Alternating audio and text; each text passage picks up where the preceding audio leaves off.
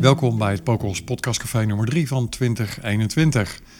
Deze podcast is bedoeld om onze klanten en IT-business partners bij te praten over allerlei onderwerpen. Vandaag uh, geven we antwoord op de vraag waarom zou je het BGP-protocol gebruiken? Mijn naam is Stefan Hooman en tegenover mij zit Jordi Smits van Pokos. Hoi, goedemorgen. Jordi, welkom in de uitzending. Leuk dat je er weer bent. Het is de tweede keer dat we met elkaar kletsen.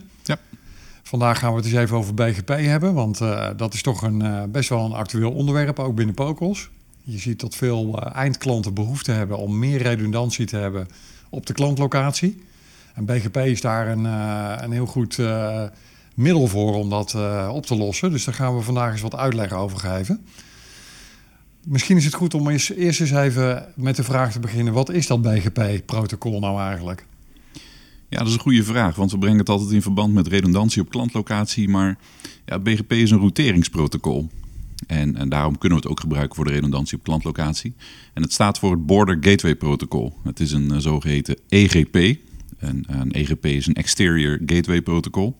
En het is het routeringsprotocol wat ervoor zorgt dat routering op het internet tussen de verschillende providers dynamisch plaatsvindt. He, dus uh, um, van origine is het eigenlijk iets anders dan waarvoor we het voor de klantredundantie gebruiken. He, want het, ja, het hele internet wordt dus gerouteerd met dat ene protocol BGP. Oké. Okay. En om meer specifiek te zijn, BGP versie 4. Het protocol gaat namelijk al heel lang terug. Eind jaren 80 werd het geïntroduceerd. He, voortbordurend op een aantal voorlopers zoals het GGP, het Gateway to Gateway protocol. En in, in die tijd, eind jaren 80, zijn versie 2 en 3 er ook geweest. Maar in 1994 werd versie 4 al geïntroduceerd. En eigenlijk is er maar weinig veranderd aan het protocol sindsdien. Het We hebben nog steeds versie 4. Correct, ja. ja, ja, ja. Wie, heeft, wie ontwikkelt daar zoiets eigenlijk? Ja, over het algemeen zijn het universiteiten, uh, Amerikaanse okay. defensie, um, clubs die uh, ja, in, in, in de vroege dagen van het internet gewerkt hebben. En dat aan, toen het nog het ARPA-netwerk heette? Ja, dit was al net daarna al. Dat, dit was daarna al, oké. Okay. ja. Hey, dus uh, nou ja, dat, dat BGP-protocol, uh, dank voor je, voor je, uh, voor je uitleg, wat, waar het eigenlijk voor staat. Maar waar wordt het voor gebruikt? Hoe, hoe, moeten we dat, hoe kunnen we dat het beste uitleggen aan de luisteraar? Ja, als we dat een beetje in, in, in, um, in, in het Nederlands gaan uitleggen, hè, dan en, ja, wordt het zoals gezegd gebruikt om te routeren tussen diverse segmenten op het internet. meestal zijn bestemmingen van die segmenten via meerdere paden bereikbaar. Hè, daar komt dus die redundantie vandaan. En BGP kiest dan voor het uh, kortste pad naar de bestemming. Een uh, segment heet in uh, BGP-termen een autonomous system. En een autonomous system is typisch een, een, netwerk van een internet service provider, maar kan ook toe worden gekend aan een enterprise die zelf wil routeren in die internetroute-tabel. Okay. En elk autonomous system heeft zijn eigen AS-nummer, een autonomous system nummer. Het AS-nummer van Pokel zit bijvoorbeeld AS50522. En elk bedrijf wat met eigen en dat is belangrijk, met eigen publieke IP-adressen deelneemt in de internetroute-tabel. Dus niet via IP-adressen van een internet service provider. Die heeft zo'n autonomous system nummer nodig. Als uh, internet service provider heb je naast zo'n AS-nummer natuurlijk dan ook publieke IP-adressen nodig. Er is een uh, overkoepelende organisatie die zowel de AS-nummers als de IP-adressen op het internet beheert. En die club die heet IANA, die Internet Assigned Numbers Authority. Um, en zij hebben hun taken, het beheren van AS-nummers en IP-adressen, weer gedelegeerd aan instanties um, in de verschillende werelddelen. In Europa en omstreken wordt deze taak vervuld door RIPE. En RIPE is weer een organisatie die gevestigd is in, uh, in Amsterdam. En voor je beeld, hè, die, die internetroute-tabel. En die tabel die uh, door alle deelnemende providers en bedrijven worden gevuld met IP-adressen. Die bestaat momenteel uit zo'n 820.000 routes. En Pokos kan vanuit haar autonomous system AS50522 met die 820.000 routes alle plekken op het internet bereiken. He, dus als je die 820.000 routes in je router hebt geladen, dan heb je geen zogeheten ja, default route meer nodig naar het internet om nog ergens te komen. He, dus alles is, uh, is bekend met die 820.000 routes. En ook dus allemaal aan elkaar gekoppeld. Ja, ja. dat is uh, correct, ja. ja. Ja, en een, een, klant die bij ons uh, IP-adressen uh, afneemt, die uh, maakt eigenlijk gebruik van ons autonomous system. Ja, dat, dat wordt door Vocals op het internet geadverteerd, dat ja. IP-adres. Ja, ja. Oké. Okay. Ik hoop dat de luisteraar nog, ook nog kan volgen, want dat is best wel een technisch, technisch verhaal natuurlijk. Ja, ik heb geprobeerd om het zo, zo ja. Nederlands mogelijk uit te leggen. Ja. Ik zeg altijd zo, als ik het begin te begrijpen, dan gaat dat voor de luisteraar vaak ook wel op. Ja. Hey, wat zijn nou de, de grote voordelen van het gebruik van dat BGP-protocol? Je, je hebt denk ik al wat dingen genoemd in je vorige stukje, maar wat, uh, wat zie je als belangrijke voordelen? Ja, het belangrijke voordeel en ook het bruggetje naar hoe we het uh, voor onze klanten kunnen inzetten voor redundantie, uh, is dat BGP de routering van dat internetprotocol dynamisch maakt. Dat gebeurt vaak met uh, meerdere paden van, van A naar B. BGP kiest meestal voor het kortste pad naar de bestemming. Maar andere zaken liggen ook in de weegschaal om het beste pad te kiezen voor BGP. Er zijn zo'n 15 criteria waarop besloten wordt welk pad het beste is om van A naar B te komen. En wat ik eigenlijk probeer te zeggen is dat het uh, niet alleen om routering gaat, maar vooral ook om die meerdere paden. Wat, wat voor die redundantie zorgt. En redundantie zorgt er dus voor dat dat pad tussen A en B altijd bereikbaar is. Ook als een van de paden verloren raakt, bijvoorbeeld door kabelschade of uh, omdat apparatuur uh, tussenliggend kapot gaat. Dat de BGP met zijn dynamische karakter zorgt er dus voor dat, uh, dat dat pad altijd bereikbaar is. Moet je dat zien als, want misschien voor sommige luisteraars een, een, een mooi voorbeeld. En ik weet niet of je dat zo kunt vergelijken, maar stel je voor je, je stapt in je auto en je toetst in je navigatiesysteem een bepaalde bestemming in. Je navigatiesysteem die berekent die route. Maar het kan zijn dat uh, uh, onderweg als jij gaat rijden, dat, dat er ergens op die route wat aan de hand is. Hè, er is een ongeval gebeurd of de, de, de, er is ineens een, uh, een sinkhole op de A2, waardoor je überhaupt niet meer langs kunt. Dan gaat jouw navigatiesysteem op dat moment een andere route voor jou kiezen. Zou ik het daar een beetje mee kunnen vergelijken?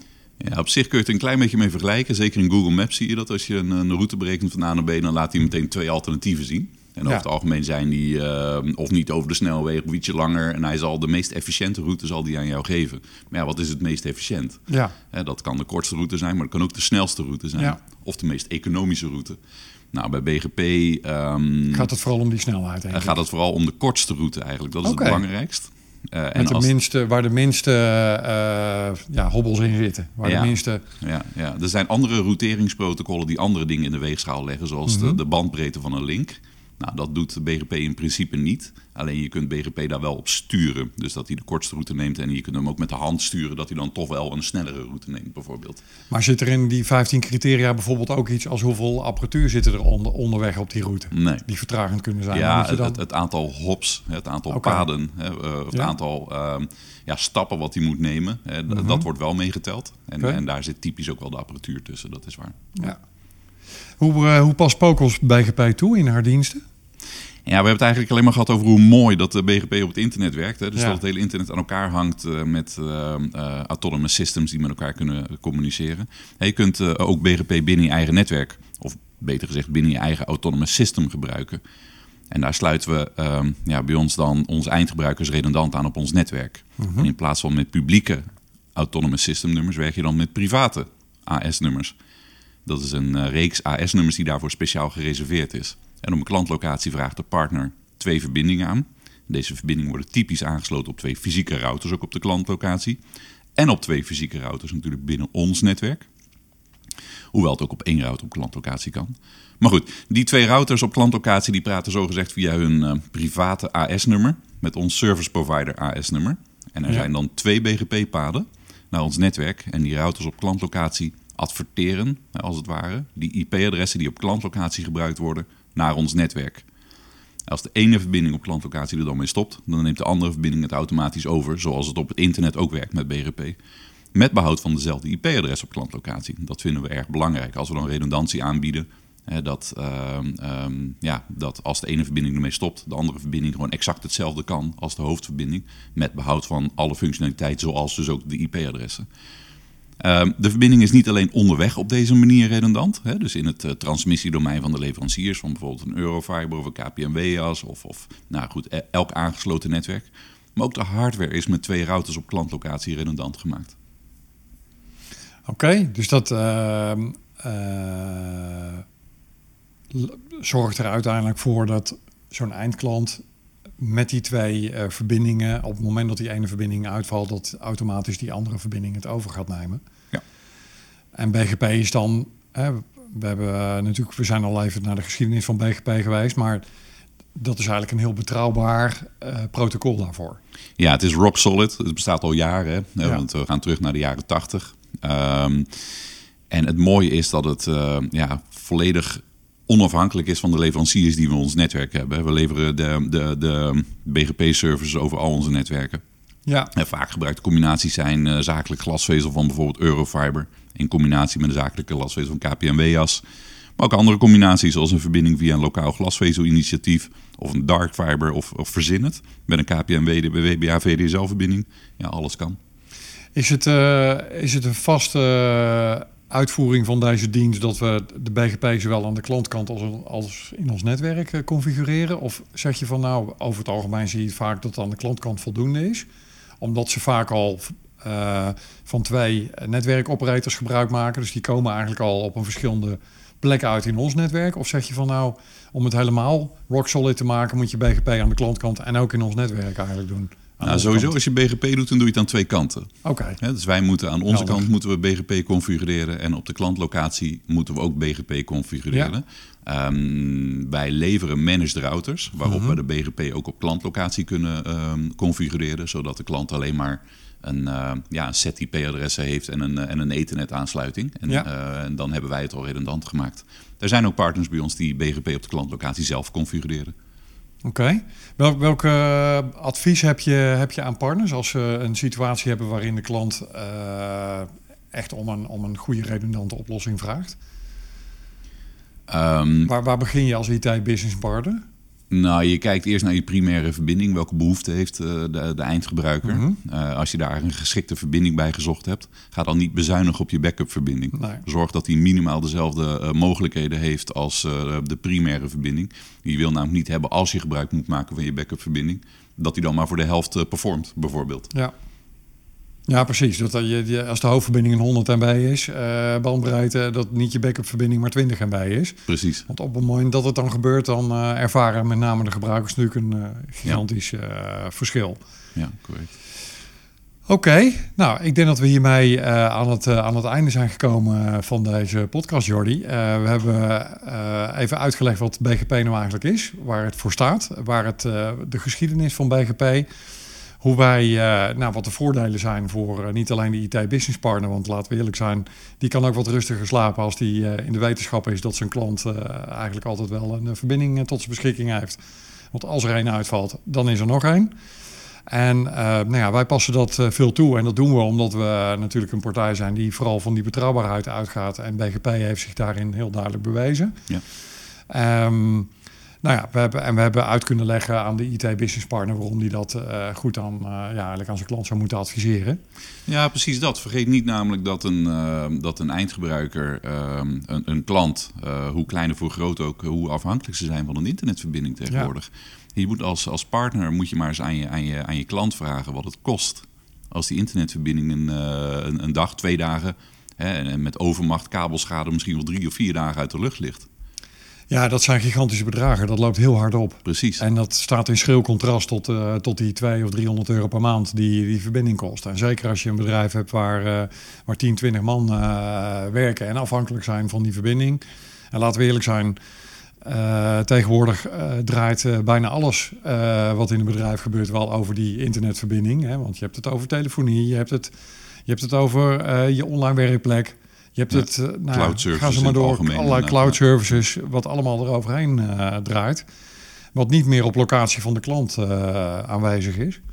Ja, dat, dan, dan zijn die, die kosten zijn gigantisch. Ja, Ja. precies. En, en ehm, ja, goed, het is een verzekering, hè, die, die, die BGP-setup met een dubbele verbinding. Alleen het is wel een belangrijke, want je hebt hem gewoon Ja. nodig. Je kunt niet Ja. zonder een internetverbinding. Nee, precies.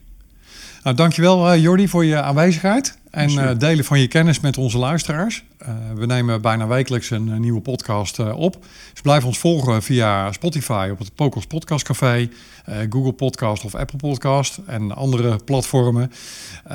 Wil je meer informatie of wil je deze podcast nog gewoon een keer nalezen, dan kun je hem terugvinden op www.pokos.nl slash kennisbank. Ehm, ja, en je kunt natuurlijk altijd je, eh, even een contactformulier invullen op onze website. eh, mocht je meer eh, willen weten of met ons in contact willen komen. Dankjewel, Jordi. Ja, geen dank.